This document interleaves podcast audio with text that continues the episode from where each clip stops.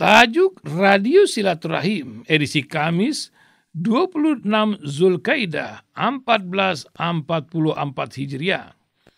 Bertepatan dengan 15 Juni 2023 diberi judul Politik Dagang Sapi sebuah tulisan Makmur Maka wartawan senior Republika.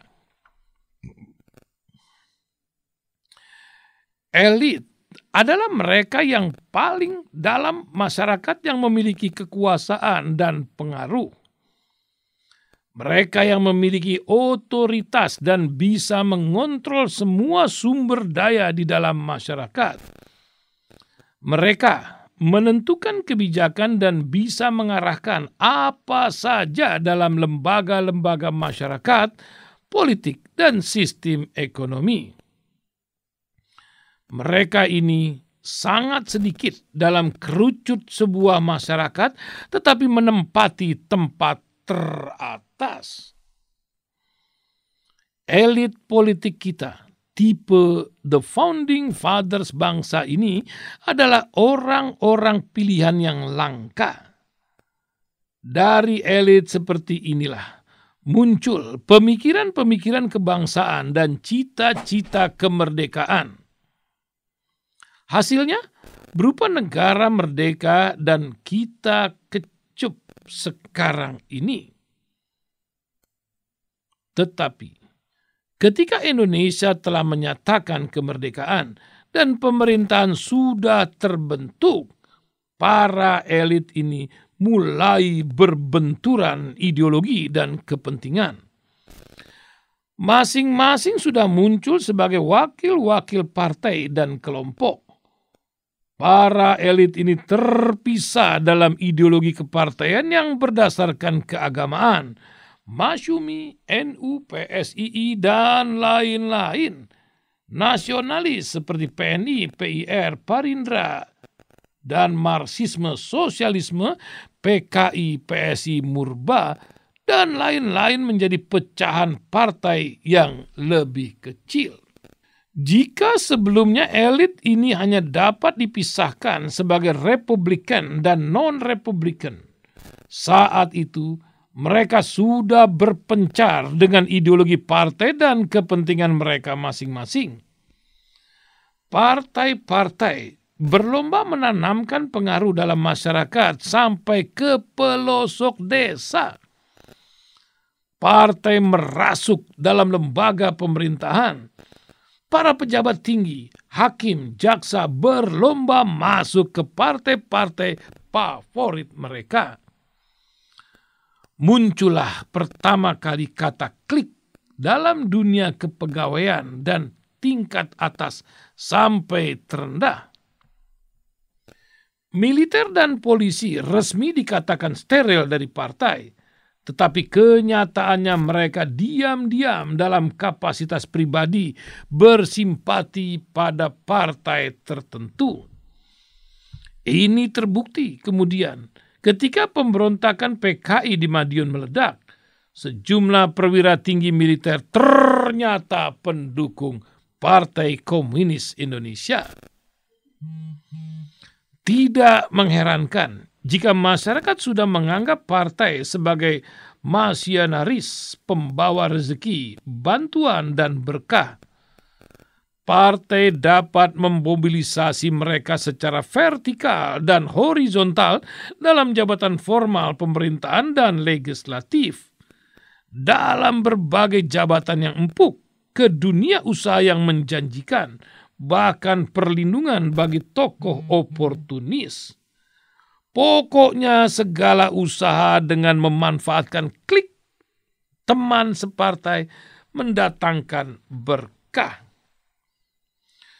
Sejak Indonesia merdeka sampai 1957 tercatat enam kali kabinet yang dipimpin oleh seorang Perdana Menteri silih berganti mulai dari Kabinet Nasir, Sukiman Wirjo Sanjoyo, Wilopo, Ali Sastro Amijoyo, satu dan dua, serta Burhanuddin Harahap.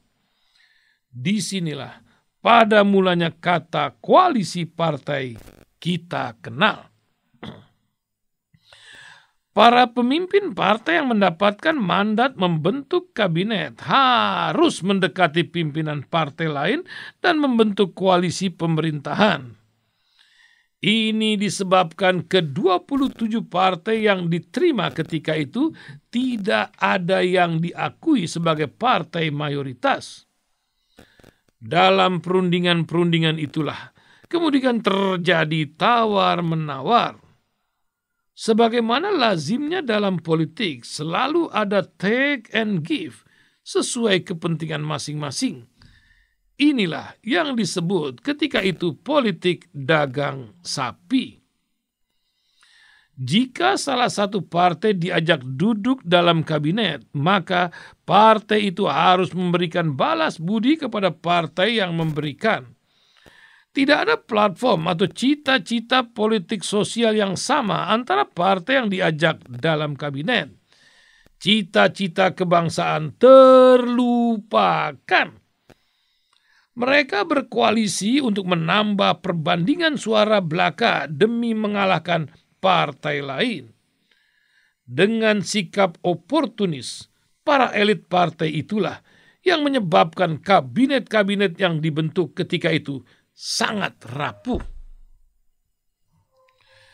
Dari 1950 sampai 1957, umur kabinet rata-rata di bawah satu tahun. Belum pernah ada program atau GBHN yang resmi diterima dalam sekian kabinet yang silih berganti. Praktis bisa dikatakan belum pernah pemerintah melaksanakan sebuah program pembangunan yang ideal bagi rakyat, kecuali menjalankan administrasi rutin pemerintahan dan memberi reaksi masalah yang tiba-tiba saja. Kini, kita pun disibukkan dengan masalah yang sama.